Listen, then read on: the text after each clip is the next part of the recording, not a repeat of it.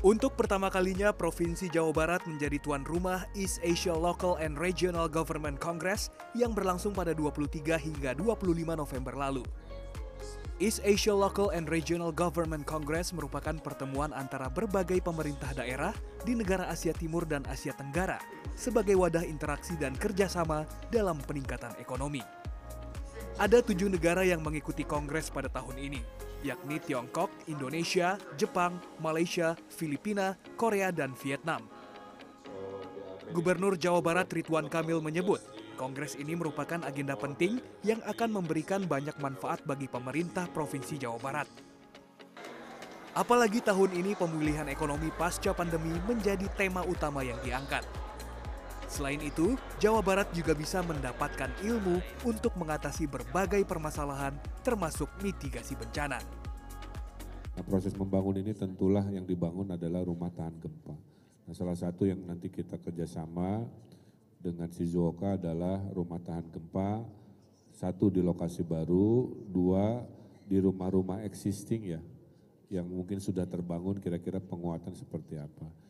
Yang ketiganya eh, kami akan mengirim staf-staf Pemprov Jabar ke Shizuoka untuk mempelajari proses edukasi karena mereka sudah pengalaman eh, seperti ini lebih dari 50 tahun ya. Rangkaian kongres pun ditutup dengan kunjungan para delegasi ke sejumlah lokasi wisata di Bandung, Jawa Barat. Selanjutnya, East Asia Local and Regional Government Congress ke-12 rencananya akan digelar di Linyi, Tiongkok.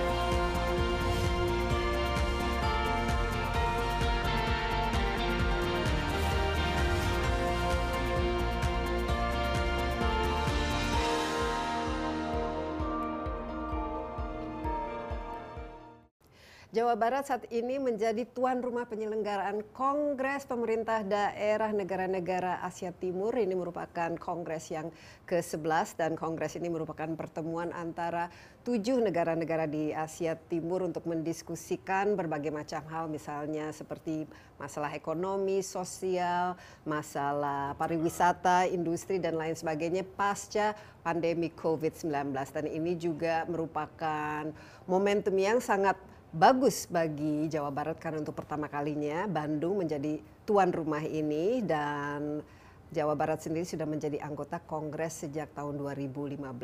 Momentum ini juga penting karena baru-baru saja bencana gempa bumi yang musibah dan kita saat ini masih sangat berduka dengan terjadinya gempa bumi di Cianjur yang menewaskan lebih dari 270 orang. Saat ini juga Jawa Barat masih mencoba melakukan evakuasi dan memfollow up dari bencana tersebut. Nah, untuk membicarakan, membahas mengenai kongres ini dan juga apa-apa saja isu yang penting diangkat ya antara tujuh negara ini. Saya sudah ditemani oleh Gubernur Jawa Barat Pak Ridwan Kamil. Kang Emil, apa kabar? Baik, Mbak Desi Anwar. Kang Emil pertama selamat karena untuk pertama kalinya Jawa Barat menjadi tuan rumah Kongres uh, pemerintah daerah Asia Timur ini tapi juga kita masih berduka hmm. karena masih di tengah musibah ya bencana gempa bumi yang saat ini masih dilakukan pemulihannya dan evakuasinya.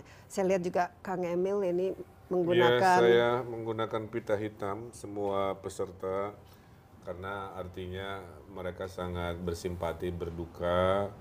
Uh, sesi ini sangat penting tiga tahun ditunggu-tunggu, mm -hmm. apalagi pasca COVID pada bingung kan. Yeah terus dunia makin tidak baik-baik, ada perang, ada ini. Jadi ini momen yang sangat baik. Hanya yeah. kebetulan takdirnya bersamaan selisihan sedikit hari hmm. dengan kebencanaan. Yeah. Sehingga sambil kita membicarakan apa yang harus kita kerjasamakan, uh, mereka berduka satu iya. menggunakan yeah. pita, dua terkumpul uang satu setengah miliar luar hmm. biasa. Dari kongres ini Dari kongres ini uh, komitmen untuk disalurkan ke Cianjur, ke warga Cianjur. Jadi saya campur-campur ya perasaannya iya, ini, ini, ini antara perasaan. bangga Jawa Barat mendapatkan uh, presiden apa uh, tuan rumah, kedua uh, mereka ternyata sangat peduli dan nilai bantuannya Ya cukup ya, sangat, sangat substansial. Tapi ngomong-ngomong saat ini karena kita masih di tengah bencana ini, bagaimana? Apa update dari proses ya, evakuasinya? Update per hari ini uh, mayoritas uh, korban sedang tertangani.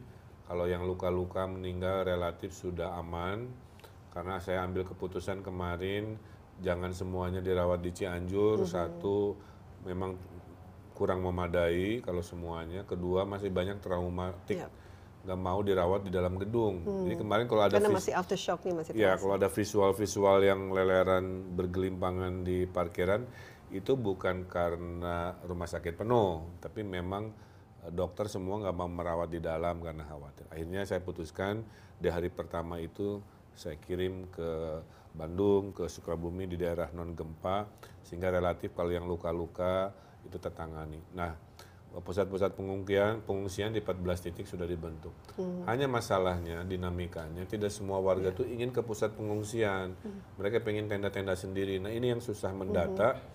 Karena kampungnya itu di daerah yang berbukit terpencil kan. Hmm. Jadi dinamika hari ini hanya mencoba kita mengakses semaksimal mungkin daerah-daerah terpencil. Bahkan saya kemarin naik motor untuk hmm. memastikan daerah-daerah terpencil itu terakses. Ya. Tapi mayoritas sudah tertangani. Hmm. Juga banyak keajaiban-keajaiban ya. Ada ya, anak ada yang lima tahun, tahun ya. Atau lima enam hmm. tahun itu selamat selama tiga hari survive. Bayi lahir ya. ada enam kalau tidak salah. Salah satunya saya namai hmm. lahirnya malam hari. Uh, dan memang empati simpati luar hmm. biasa. Saya dapat surat duka cita dari yeah. Gubernur Victoria di Australia, dari Amerika, termasuk yang gubernur wali kota yang datang. Mhm. Kira-kira bantuan apa lagi yang masih dibutuhkan? Dan kan evakuasi kan masih terus berjalan. Selalu dalam mhm. kebencanaan kita bagi dua ya. Uh-huh. Ada tanggap bencana 7 sampai 2 minggu, kemudian baru rekonstruksi. Nah, di tanggap bencana mayoritas survivor urusan perut. Yeah. Berarti makanan uh-huh. masih kita butuhkan. Uh, tidak semua punya dapur umum karena tadi kecil-kecil iya. terpencar. Yeah maka kita berharap ada makanan yang mudah disajikan misalkan masih kita butuhkan kemudian karena Cianjur daerah bukit kedinginan mm -hmm. selimut, ya, selimut ya. Uh, mayoritas sudah tenda-tenda dan juga nah karena tenda-tenda mandiri tidak proper uh, sehingga kita masih juga butuh tenda-tenda mm -hmm. dan poinnya sederhana pertama yang harus ditolong itu diri sendiri mm -hmm. kedua yang harus ditolong atau menolong itu kepada sesama Ketiga adalah pemerintah. Ya. Jadi artinya tidak harus selalu menunggu negara hadir, di mana kita manusia melihat manusia berkesusahan ya kita lakukan tindakan itu. Nah jadi uh, saya mengapresiasi individu, kelompok masyarakat, organisasi yang sekarang bergerak dalam membantu. Dan itulah indahnya kebersamaan kemanusiaan kita bahwa ini tugas bersama bukan hanya tugas negara. Iya, dan mungkin jumlah eh, korban juga masih akan meningkat ya karena masih banyak Betul. yang hilang, uh, Kang Emil. Sudah menyedikit yang hilangnya, tapi satu dua masih ditemukan di reruntuhan-reruntuhan karena uh, apa menunggu laporan-laporan di mana lokasi yang berpotensi. Kerjasama dengan BNPB dan uh, sangat baik. Lain, uh, dari hmm. awal di hari pertama sudah saya laporkan ke Presiden harus satu pintu. Makanya yeah. poskonya itu di pendopo bupati kan? Mm-hmm. simpang siur. Bingung nyumbang ke saya bilang semua mau minta tolong mau ngambil barang bantuan mau koordinasi satu pintu. Jadi pintunya ada di pendopo uh, bupati uh, sehingga yang bingung mau ke mana mending di sana. Karena nanti persiang ada tradisi kepala desa datang. Yeah. kemudian ngambil bantuan kemudian pulang ke desa masing-masing. Itu dilakukan tiap hari nah mudah-mudahan manajemen mm-hmm. ini Cuman kan tetaplah ya seperfect perfectnya yang diimajinasikan masih ada kurang satu dua. Nah itulah yang kita sisir di hari-hari berikutnya. Kalau dari segi pendataan jumlah warga dan lain sebagainya kan ya, ini kan juga uh, ada 58 ribu yang data masuk rumah yang hancur. Uh, kemudian uh, apa namanya uh, pengungsi juga kurang lebih sejumlah yang sama uh, yang luka-luka juga seribuan, yang meninggal tadi hampir tiga ratusan. Uh, itu data terakhir yang kita miliki. Uh, tapi kita sekarang lebih banyak fokus ke pengungsian, di mana orang lapar kan biasanya yeah. mudah marah, mudah stres, itu juga kita kita harus antisipasi, termasuk trauma healing ya. Uh, tapi uh, kita selalu koordinasi dengan BMKG yang menyatakan bahwa hari ini harusnya gempa makin sedikit dan hari Jumat uh, harusnya gempa sudah hilang.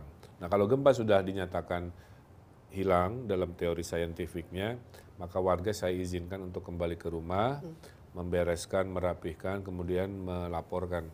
Karena Papa, dan ya, karena presiden meminta nggak usah nunggu terlalu hmm. lama, kita segera langsung bangun kembali dari dana. Dan ada bantuan kan yang diberikan untuk ya, yang dari pusat sebagian besar dan sebagian kecil dari pemprov juga sesuai anggaran yang kita punya. Ya, nah ini uh, ke depan itu kan sudah harus proses rehabilitasi ini juga berkaitan dengan kongres ini karena salah satu dari negara yang uh, yang menjadi inisiator kongres ini kan Jepang. Nah kita kan bisa belajar banyak lah ke depan.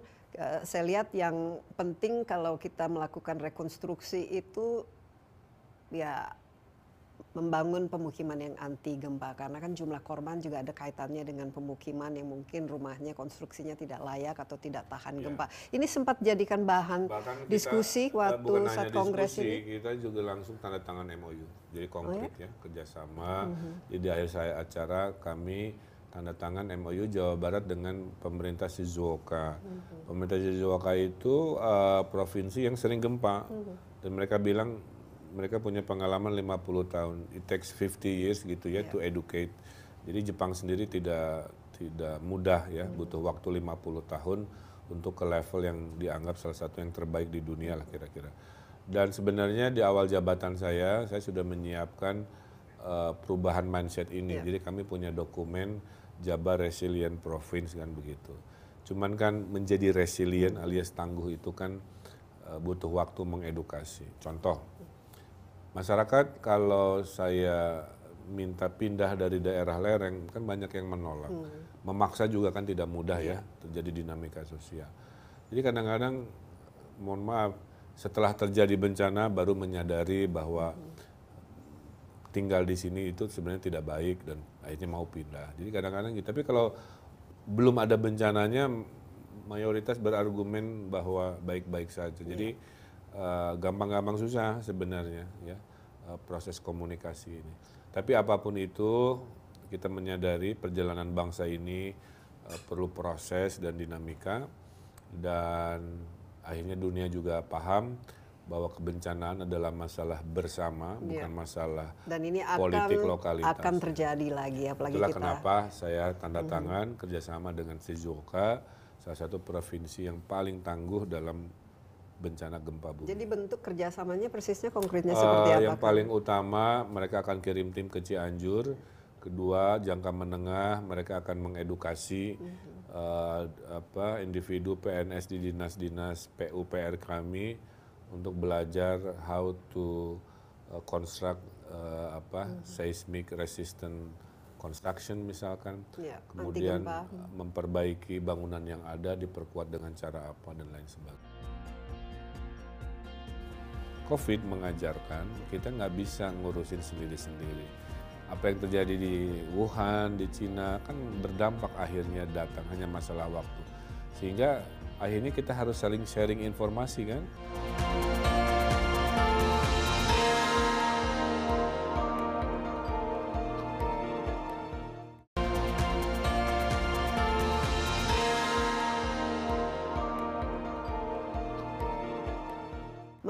Ini kongres ini sendiri mungkin dari kita nggak banyak yang tahu ya karena ini uh, sesuatu yang pertama kali dilakukan di Bandung di Jawa Barat dan Jawa Barat sendiri juga baru menjadi bagian dari kongres ini sejak tahun 2015.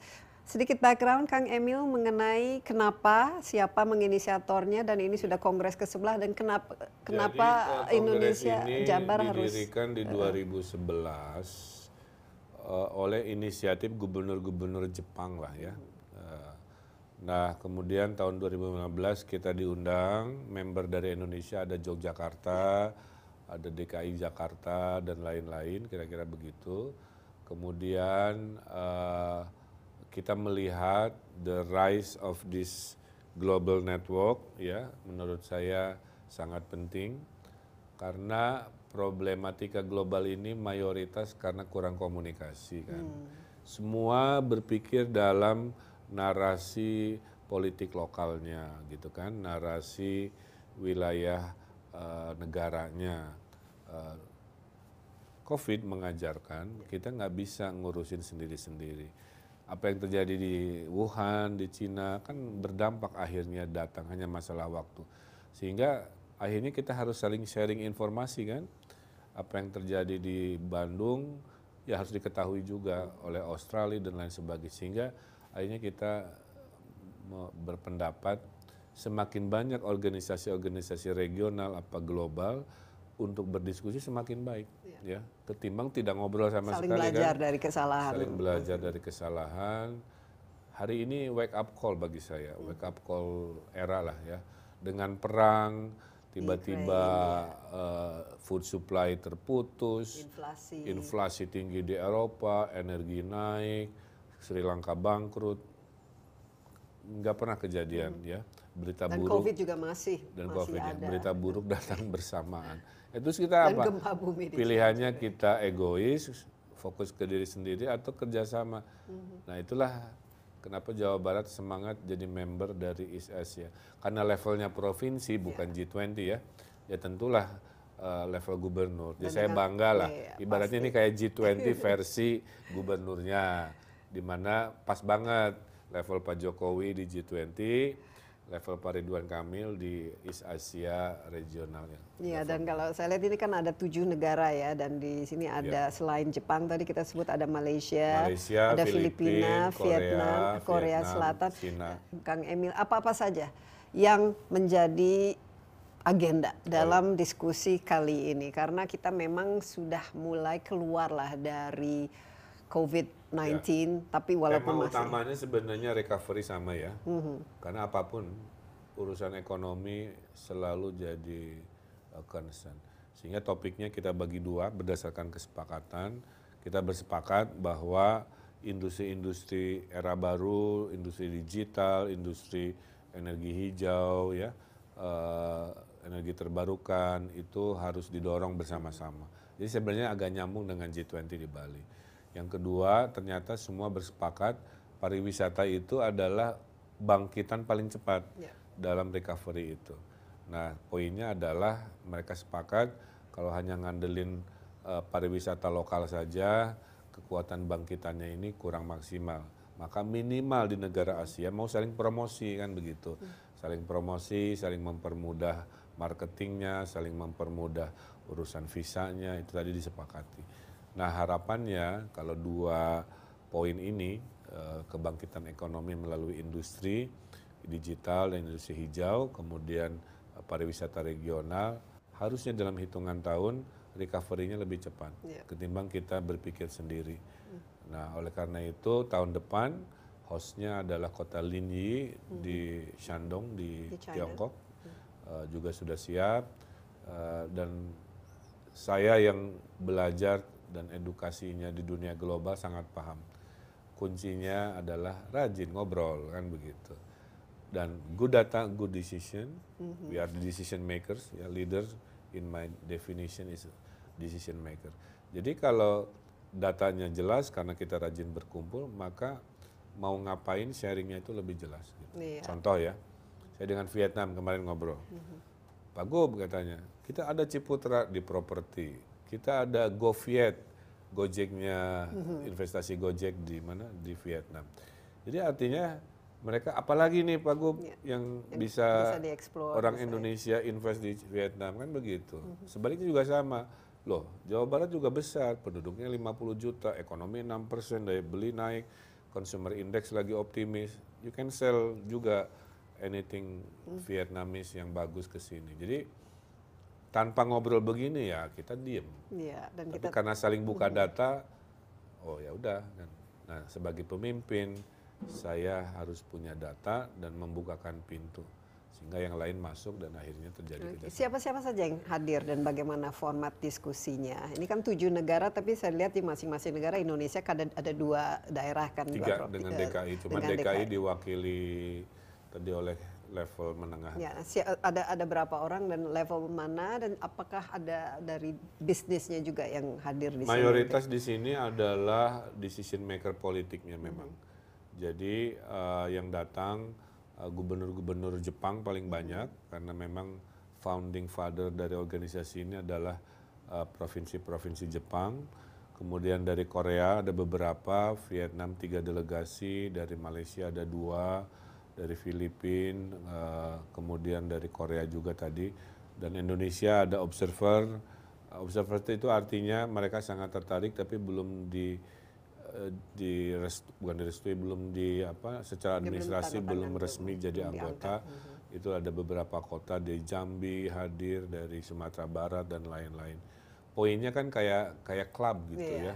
ya. Ya kalau mau gabung ya kamu pasti dapat benefit cuman ya apa saling berbagi lah uh, sharing jadi itu level yang datang mm-hmm. uh, kemudian diskusi dibagi dua ruangan tadi satu topiknya industri digital energi hijau satu tentang kesepakatan pariwisata kemudian tadi di akhir acara sebagai tuan rumah diberi kehormatan membacakan kesimpulan-kesimpulan. Apa ini sebentuknya komunike? Ya komunike. Isi poin-poinnya apa, apa lebih saja? ada 10 poin. Bisa uh, share ya, poin-poin yang poin penting. yang pertama tentang uh, kesepahaman bahwa kita melihat banyak sekali disrupsi datang bersamaan. Yeah. Ada disrupsi digital, disrupsi ekonomi, eh, maaf apa pemanasan global, disrupsi perang regional, juga disrupsi pandemi Krisis, ya. kan begitu ya. Kedua, menyepakati kita harus memperluas industri di semua level, kemudian inklusif ekonomi, digital ekonomi harus merata, kemudian uh, saling membuka border secara lebih konkret, memotivasi anggota untuk uh, bekerja sama direct ya, kayak bilateralnya itu juga dimotivasi, kemudian uh, merekomendasi agar kebijakan-kebijakan ini lebih promotif bukan protektif kira-kira begitu ya, sehingga ibaratnya kita ingin berdagang itu jangan dibatasi oleh politik negara, anggap aja langsung gitu ya eh, direct eh, nah itu juga uh, direkomendasi kita mempermudah kemudian pariwisata tadi saling promosi membuka apa kayak gedung hmm. promosi di tiap negara member di mana nanti di gedung itu semua uh, potensi ekonomi negara member akan ditampilkan sehingga orang Jawa Barat misalkan nanti datang ke gedung itu oh ternyata di Vietnam ini apa apa dan sebagainya sehingga konkret nggak hanya hmm. level elit yang Eh, membahas tapi nanti level B2B-nya, people to people-nya juga kita dorong. Kemudian tadi uh, mengingatkan walaupun pariwisata ternyata teruji uh, pembangkit ekonomi paling utama tapi sustainable tourism sepakat disepakati untuk diperhatikan. Nanti ini komunikasinya langsung dari local government to local government kan? Ya, kan Jadi ada istilah ada... nation talk, city mm -hmm. X gitu ya. Jadi yang memang aksi langsung jual beli langsung konkret ya, ya level-level ya kita gitu. Tidak selalu negara berkembang yang butuh dibantu, ternyata kita negara maju menjadi. juga punya level problem masing-masing. Nah ini adalah uh, organisasi yang menjadi connecting uh, dari masalah tadi.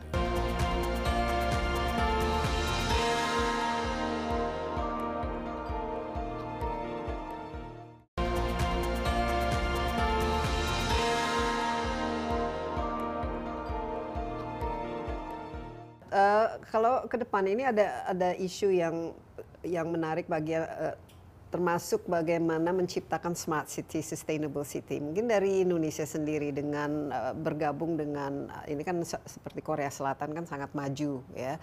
Jepang tentu saja sangat maju dan China juga kan dari segi urbanisasinya sangat maju. Sementara ada negara ada seperti Malaysia, Filipina yang mungkin masih developing. Ini apa potensi yang kita bisa gali dari ada yang menarik Mbak Desi. Mereka. Very surprising. Mm -hmm. Waktu dengan delegasi Jepang. Pak Ridwan, we are losing people. Oh, oh ya. Yeah. 500,000 per year. Jadi mereka kehilangan warganya 500 ribu per tahun. Mm -hmm. Per dua tahun hilang sejuta. Saya bilang kenapa?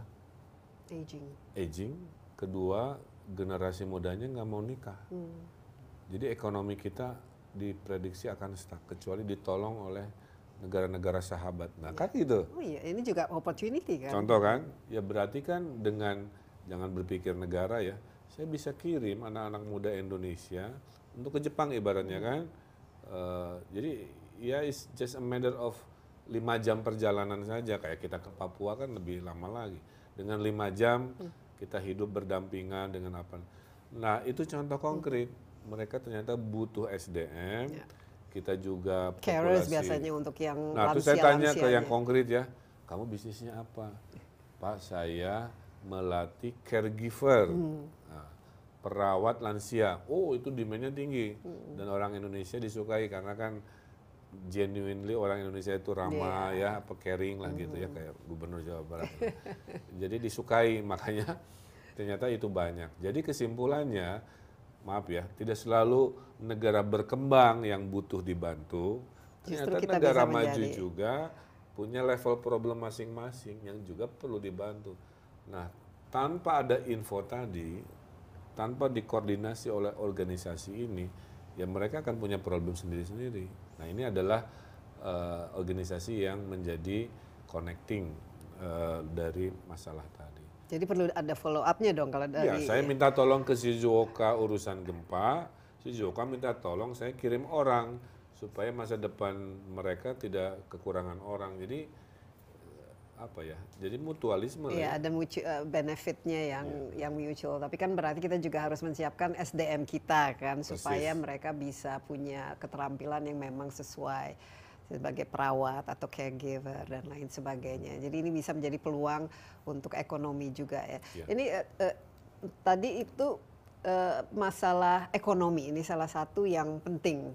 Apa-apa saja yang kira-kira bisa di follow up selain dari segi pariwisatanya Kalau, tapi dari saya kan eh, kita mengetahui Jawa Barat ini kan eh, pusat industri Indonesia ya. 60% industri di Indonesia itu lokasinya di Jawa Barat. Dan visi kita dalam 30 tahun kan membangun 13 kota industri baru.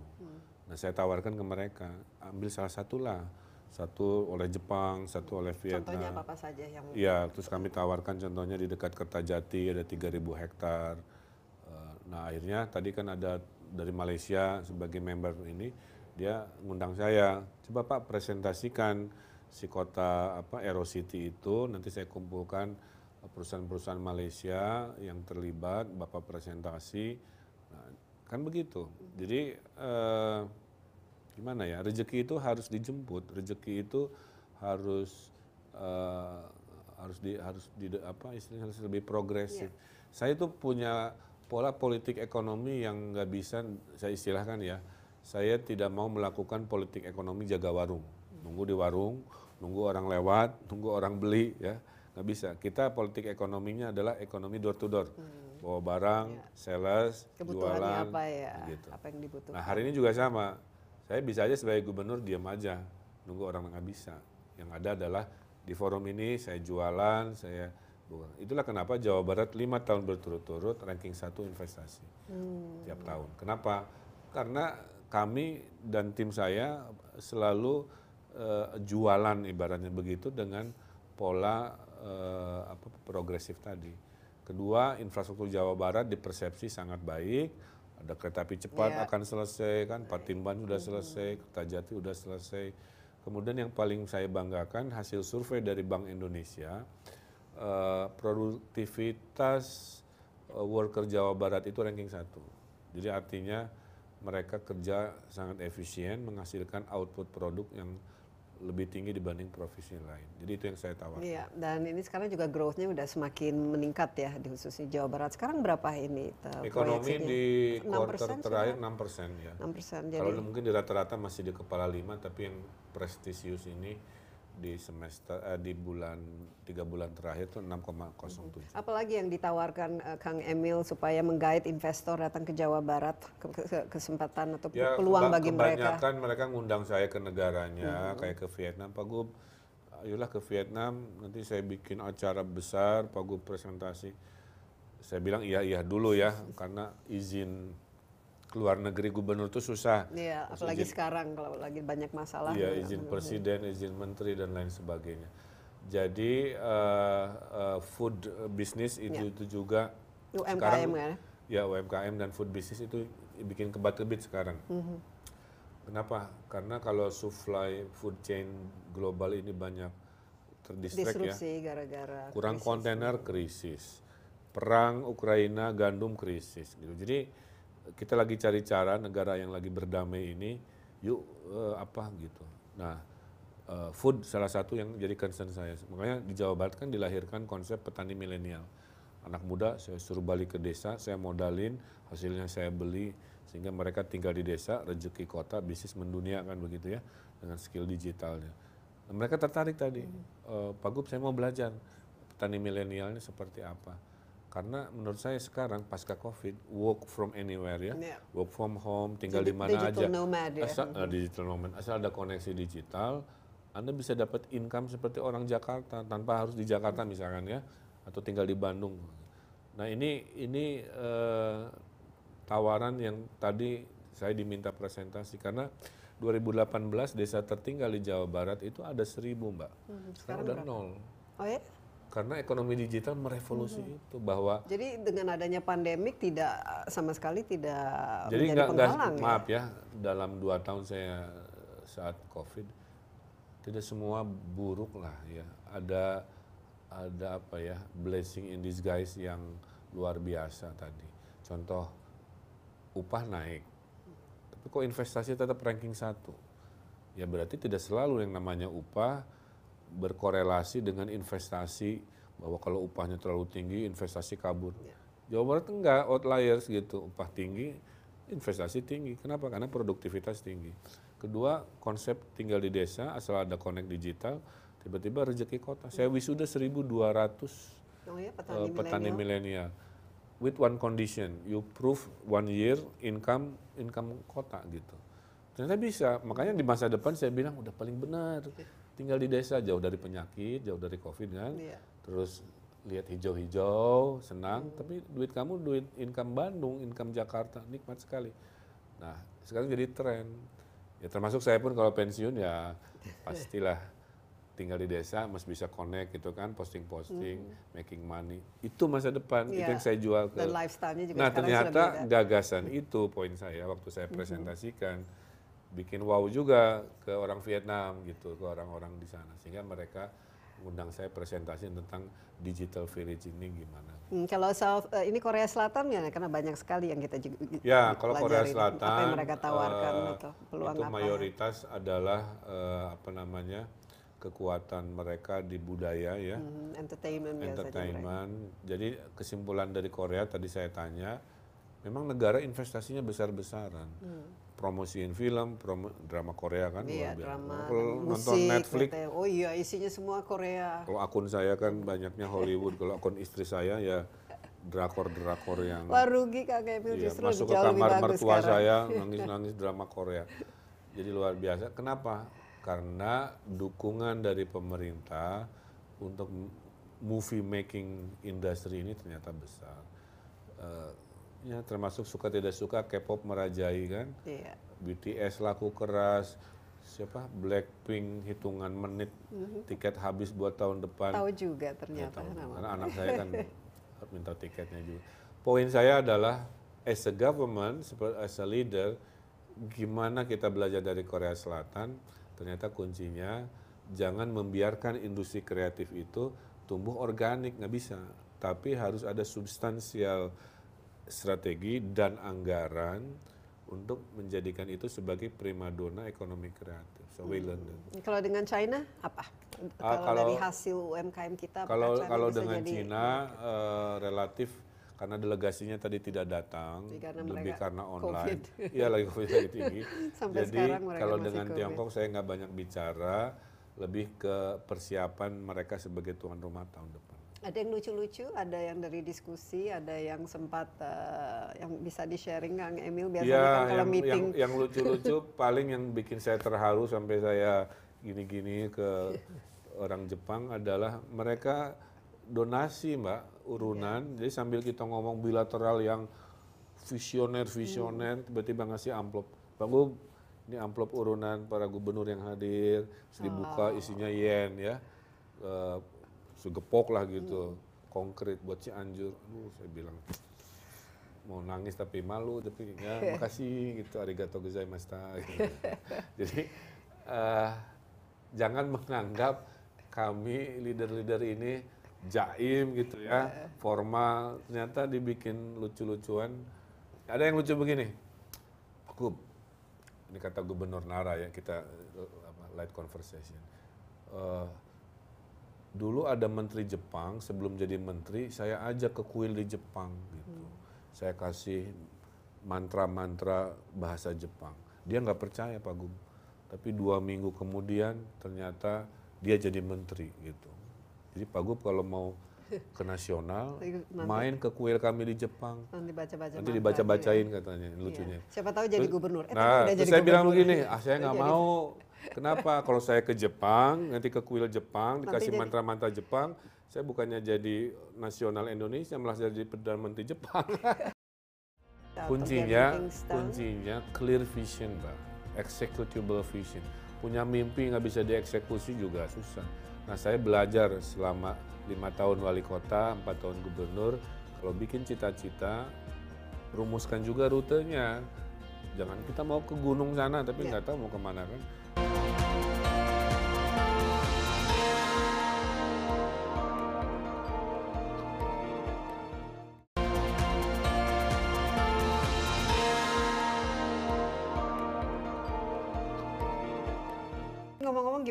Pak Kang Emil terakhir kita ketemu waktu itu masih uh, wali kota ya sekarang sudah berapa lama kita empat tahun, empat ya. tahun saya, ya. saya saya makai Pak Ganjar saya dilantik sama Pak Ganjar ya. Pak Edi Gubernur Bali itu uh, September 2018 jadi kita kita akan berakhir di 5 September 2023 so I have yeah. so you still only have ini. Ya, Kira-kira ap apalagi ya selama empat tahun ini apa yang sudah menjadi your achievement ya prestasi legacy, yang paling banggakan? Legacy terbaik nah? saya yang dalam hati ya Allah terima kasih adalah menghilangkan desa miskin yang seribu itu dari seribu ke nol dan menaikkan desa mandiri bintang lima dari hanya 30 di 2018 sekarang 1200. Kenapa? Desa digital very powerful. Uh, satu pesantren, satu produk, satu desa, satu bisnis kan, kemudian uh, apa namanya uh, digital uh, center yeah. connection di desa-desa. Akhirnya saya punya teori gitu yang saya buktikan. Petani milenial juga jadi proven. Jadi legacy saya itu. Kemudian uh, apa namanya lain-lain lebih ke infrastruktur ya, mm-hmm. karena saya arsitek, alun-alun sejauh barat saya perbaiki itu juga tapi yang paling utama sih itu. Dan hubungan baik dengan uh, wali Ya mohon maaf ya kalau nyebut angka ya Bupati. Mbak Desi ya. Hmm. Jadi selama empat tahun kami mendapat penghargaan 450 awards. Ya penghargaan itu membuktikan kan before afternya signifikan lah. Dan yang paling membanggakan karena saya digi, apa melakukan revolusi digital di pemerintah kinerja PNS terbaik di Indonesia sekarang adalah Provinsi Jawa Barat. Kuncinya apa dalam semua ini? Leadership, fokus, ya atau visi, kuncinya, atau Kuncinya clear vision, Mbak. Executable vision. Punya mimpi nggak bisa dieksekusi juga susah. Nah saya belajar selama lima tahun wali kota, empat tahun gubernur, kalau bikin cita-cita, rumuskan juga rutenya. Jangan kita mau ke gunung sana, tapi ya. nggak yeah. tahu mau ke mana kan Nah, sama juga Jabar juara lahir batin, rutenya begini saya bikin. Makanya dalam urusan olahraga we are number one kan PON juga karena dua kali kita dideklar provinsi percontohan untuk pembinaan olahraga. Jadi orang Jawa Barat itu bangga. Makanya waktu COVID fatality rate-nya rendah untuk penduduk sebesar 50 juta gitu ya, yang meninggal tidak sebanyak yang lain. Jadi itu kebanggaannya uh, investasi selalu ranking satu udah lima tahun kan, uh, ekspor juga, ya ekonomi mah keren lah. Ya. Nah sekarang di sisa waktu saya uh, lebih meninggikan jumlah-jumlah keberhasilan itu. Jadi saya nggak nawarin hal-hal baru lagi. Ya, jadi uh, desa kita banyakin yang mandiri, diperbanyak, olahraga dipertahankan. Jadi di akhir jabatan saya, saya mau presentasikan achievement-achievement before after yang signifikan. Tapi apa yang masih kurang masih kan pasti ya, banyak masih ada lah yang yang kurang-kurang itu lebih banyak di level yang ada dinamika di masyarakat. Hmm. Provinsi misalkan urusan intoleransi itu kan gampang-gampang susah hmm. ya. Yeah. Kebijakannya ada contoh, kita ada kurikulum uh, yang namanya uh, anti radikalisme. Hmm. Kita ada kurikulum anti korupsi. Ya tapi kalau masyarakatnya uh, belum merespon seperti yang diharapkan tentu masalah itu masih ada. uh, isu. Itu approach-nya bagaimana yang paling baik, paling ya saya efektif lah saya untuk saya bikin banyak ya, komunikasi. juga. Bikin kemah kebangsaan ngumpulin anak muda dikemahkan dua hari dua malam kan? Terus beda agama beda organisasi suruh ngobrol. Kalau mau berantem berantem ibaratnya. Ya kita debat aja di situ. Tapi pulang camping kita salaman ya sepakat unity in Tapi diversity sudah ada dampaknya efek Oh, pengurangan banyak, dari banyak sekali. radikalisme, intoleransi banyak ini sekali. sudah ada. Sekarang tadi saja eh, siang hari kita deklarasi sekolah-sekolah toleransi kan. Hmm. Kita diapresiasi Kemendikbud punya pendidikan karakter yang bisa menghilangkan bully, yang bisa menghilangkan apa hal-hal buruk di Hmm. anak-anak muda, sisi gelap dari dunia digital, namanya Jabar Masagi. Jadi kita punya kurikulum pendidikan karakter karena kualitas SDM itu tiga mbak. Dia harus kuat di literasi kuat di numerasi yang angka-angka dan kuat di karakter. Iya. nah karakter Jawa Barat sudah punya ketangguhan kearifan lokal Jabar Masagi eh, kurikulum anti korupsi kurikulum anti radikalisme tapi kan tadi karena ini melibatkan interaksi masyarakat masih ada indeks-indeks yang belum memadai lah pengangguran masih ada walaupun sudah turun Sekarang kemiskinan berapa persen?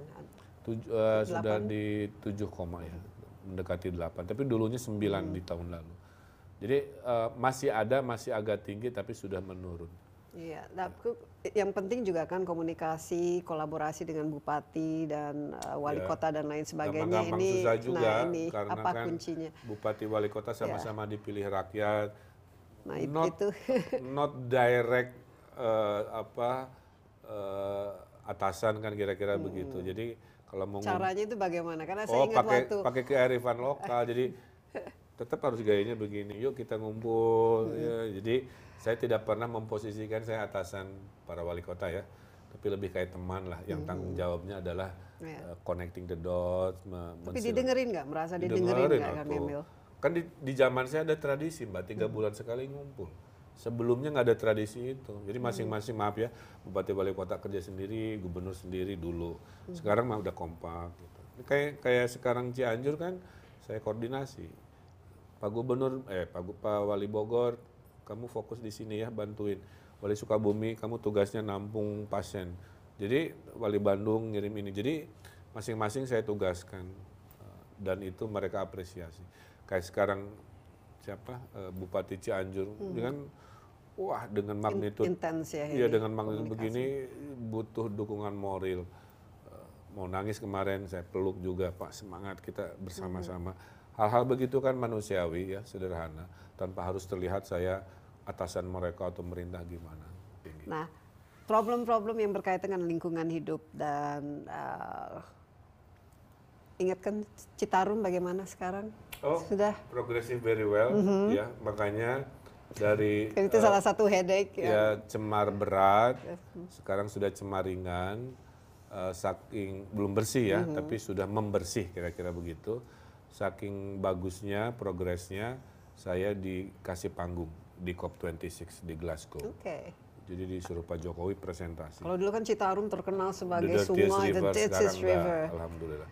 Eh, ikan-ikan langka muncul lagi anak desa berenang lagi alhamdulillah dan yang diapresiasi oleh PBB di Citarum ini ternyata adalah kolaborasi.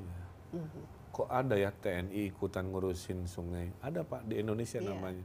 Kok ada ya? Saya bilang begitu ternyata krisis lingkungan kalau kita kompak dengan pentahelix A B C G M akademisi bisnis komunitas media dan government itu lebih powerful. Iya, kalau- kita sudah menggugat ke pengadilan 50 kasus untuk Citarum Pencemaran- iya karena pencemaran mereka itu udah banyak. diedukasi Iya. masih keke udah dibeton saluran pipa pencemarannya curi-curi lagi akhirnya diperingati masih kekeh karena menganggap biasanya Mhm.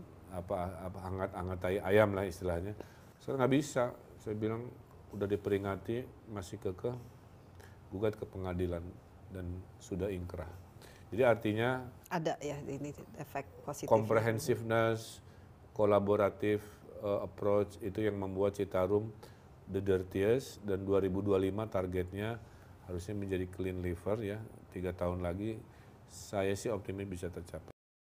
Saya tidak mau membangun negeri ini hanya mengandalkan kepribadian si pemimpinnya. Ya, Setiap makanya saya kunci ya. dengan peraturan. Jadi nanti siapa pun gubernurnya, ya, Program harus tetap program jalan. tetap jalan.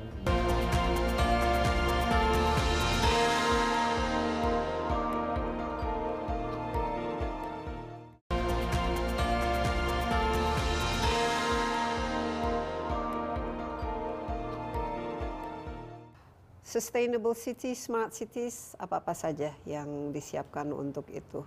Eh, kita tidak bisa menghindari isu global menyertai. Maka saya selalu bilang begini, hey para PNS, tugas kita wujudkan visi misi gubernur, wujudkan visi misi RPJMN Pak Jokowi, dan wujudkan visi misi SDGs, visi global yang disepakati. Jadi artinya urusan sustainability, urusan apa adalah sepertiga dari yang kita kerjakan. Sambil kita mengerjakan yang lokal-lokal, sebenarnya kita sedang memenuhi syarat. Contohnya universal, eh, universal health coverage ya. Kita kan udah hampir 90 persen bahwa semua warga Jawa Barat tercover urusan kesehatannya oleh BPJS yang kita bayar, uh, informalitas yang belum kita subsidi dan lain sebagainya. Sekolah juga sekolah demikian juga akses ya, akses terhadap dan lain sebagainya. Saya cuma mau bilang empat tahun progresivitas sangat banyak, tapi problem juga masih ada. Karena bagi saya kepemimpinan itu nggak ada yang selesai, Mbak. Bung Karno membangun Indonesia dari kilometer 0 ke 100. Pak Harto melanjutkan mungkin dari kilometer 100 ke 300. Terus sampai Pak Jokowi bikin. Kan setelah selesai Pak Jokowi bukan berarti Indonesia sudah selesai. Pasti bikin target baru. Karena mengextend eh, ruang kerja baru. Saya juga sama. Gubernur sebelumnya Pak Aher membangun 10 tahun, saya lima tahun seperti ini, nanti gubernur yang melanjutkan juga eh, punya target lagi. Jadi sebenarnya nggak bisa dibilang selesai, pencapaiannya sangat eh, paripurna. Enggak, selama kita bergerak waktu, tujuan, problem akan terus Iya, menyertai. tapi yang penting adalah pemerintahan Nah, berikutnya yang melanjutkan. penting saya di Ya. akhir jabatan bisa bilang before after. Before 2018 ini masalahnya, after 2023 2023 ini solusinya. Bahwa di dalamnya masih ada minimal yang buruk mengecil, yang baik menaikkan begitu. Tapi sustainable menurut Kang Emil apa yang Oh dibangun iya, selama ini? saya tidak mau membangun negeri ini hanya mengandalkan kepribadian si pemimpinnya.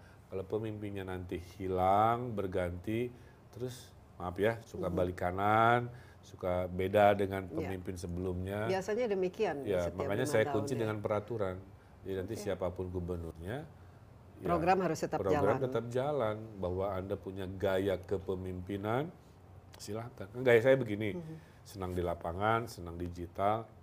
Kalau berikutnya nggak suka ya nggak ada masalah. Tapi program yang berdampak ke masyarakat jangan jangan berkurang dong. Jangan. Iya. Tantangan terberat ini kan eh, saya lihat eh, cukup berat ya. eh, Tantangan terberat. dari segi pribadi Kang Emil sempat eh, Ya tantangan terberat mah Bagaimana tahun sih? inilah saya gimana ya ceritanya ya. Saya diuji Tuhan oleh kehilangan eh, anak saya. Tapi Tuhan mengambil anak saya saat saya jadi pemimpin. Di mana pemimpin itu dipersepsi tidak boleh menampilkan sisi rapuh, sisi sedih, sisi lemahnya kan. Jadi nggak mudah, Mbak. Jadi kalau ketemu rakyat ya saya harus terlihat kuat, Lihat- tegar. tegar, tapi karena- di dalam seperti apa Kang Emil? Iya, karena wajah optimis pemimpin akan menyertai semangat rakyat. Tapi kan saya manusia juga ya. Maka saya intinya ada jadwal eh, jadwal menangis gitu. Biasanya after midnight. Jadi saya dengan istri urusan yang eril ya. Jadwal menangisnya itu jam 12 sampai jam 1. Eh, tangis-tangisan aja. Sebagai orang tua yang kehilangan. Paginya ya se- semangat lagi, ceria lagi gitu. Jadi eh, itu beratnya karena menyembunyikan eh, sisi kemanusiaan saya yang kehilangan yang tidak perlu saya tampilkan kan begitu ya. Nah itu berat. Sesudah ada ujian pribadi datang ujian publik di Cianjur yang dalam hitungan statistik one of the biggest disaster ya di Jawa Barat. Tapi ya itulah takdir harus dijalani ya. Tidak semua ups, ada juga down, tidak semua roda di atas, ada juga roda di bawah. Prinsip saya sama, kalau lagi bagus tadi ya dengan prestasi saya bersyukur, kalau lagi ujian begini bersabar tapi terukur. Dan saya mendapati satu hal, pada saat ujian pemimpin harus hadir. Jadi Cianjur juga sama.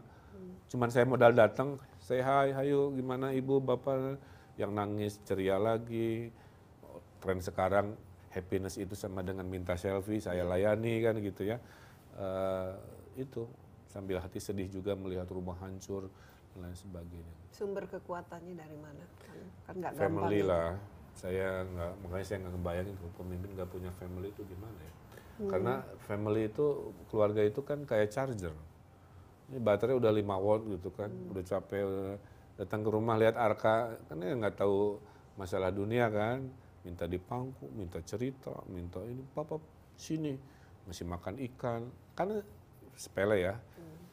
Tapi ternyata itu yang bikin si baterai 5% nih naik lagi ke 90 kan begitu. Jadi kekuatan energi ada di keluarga. Ketemu ibu, namanya ibu ya, nggak membahas politik lah, nggak membahas.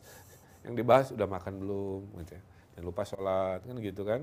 Jangan lupa, jangan sombong, tetap tegar. Jadi nasihat-nasihat khas ibu lah ya, uh, yang plus kebetulan istri saya juga sangat aktif, jadi saya sangat terbantu secara sosial dan saya sangat mendukung eksistensi perempuan. Istri saya baru lulus S3 cum laude straight A kan. Selama? Ya. Luar biasa. Kemudian organisasinya ada 12 mm -hmm. gitu. Jadi uh, saya syukurilah kekuatan support system saya adalah keluarga. Hmm. Sampai September 2023 ya. Iya. Terus apa? apa What's next ya, for you? Karena tiap, tahun tiap 2024 pertanyaannya gimana 2024 apakah mau jadi presiden, wakil presiden, partainya apa? Itu pertanyaan harian. Jawaban saya sama, kalau takdirnya ada bismillah. Kan saya juga nggak pernah cita-cita jadi gubernur wali kota kan, hmm. tapi kalau takdirnya ada ya saya jalani aja, be the best kan begitu ya. Uh, ya nanti juga kalau takdirnya ada saya jalani be the best juga. Kalau enggak, nggak ada masalah juga. Kan saya bukan pengangguran dulu arsitek. Saya bisa kembali ke dunia lama yang membahagiakan saya atau extend satu periode gubernur Jawa Barat juga very noble. Hmm. 50 juta jiwa yang harus saya urus. Jadi yang penting hidup itu kan memberi manfaat Mbak Desi ya. Hidup tiap hari jangan bengong jangan tidak ada apa dampak tiap hari saya memberi dampak dengan ke kiri berhenti belanjakan contoh kayak tadi Pak gimana Cianjur? Semua dinas bagi rata ke Cianjur. 33 dinas bagi ke 12 kecamatan terdampak. Satu kecamatan tiga dinas. Kamu camping, kamu urusin, kamu cari panggung, kamu bikin tenda. Itu contoh. I make decision every day seperti itu. Dan dan saya merasa, waduh kalau saya nggak jadi pemimpin, saya kan kehilangan power yeah. untuk memerintah gitu. Ya tapi dibikin santai aja bahwa jadi begini pun decision maker karena takdir Tuhan suatu hari semua ini akan berakhir. Jadi mental harus siap mm -hmm. supaya nggak ada istilah post power syndrome yeah. ya. Karena gimana niat niat saya jadi pemimpin kan bukan berkarir tapi jadi means jadi alat untuk membawa kebaikan. But you enjoy being a leader, menikmati enjoy. menjadi. Saya kalau stres terapi saya saya jalan kaki. Aduh lagi bete, ah jalan kaki dulu Biasanya makan bubur dulu di Asia Afrika. Kenapa jalan kaki? Kapan-kapan kita ikut ya Mbak Desi, kita lihat. Tiap lima, men, eh, tiap lima meter warga, Pak gimana kabarnya? Dari gitu aja udah seneng. Pak minta selfie, hayu. Pak gitu, Pak saya kasih lukisan. Pak ini ada lagu. Half an hour walking, Mbak, ketemu rakyat sendiri.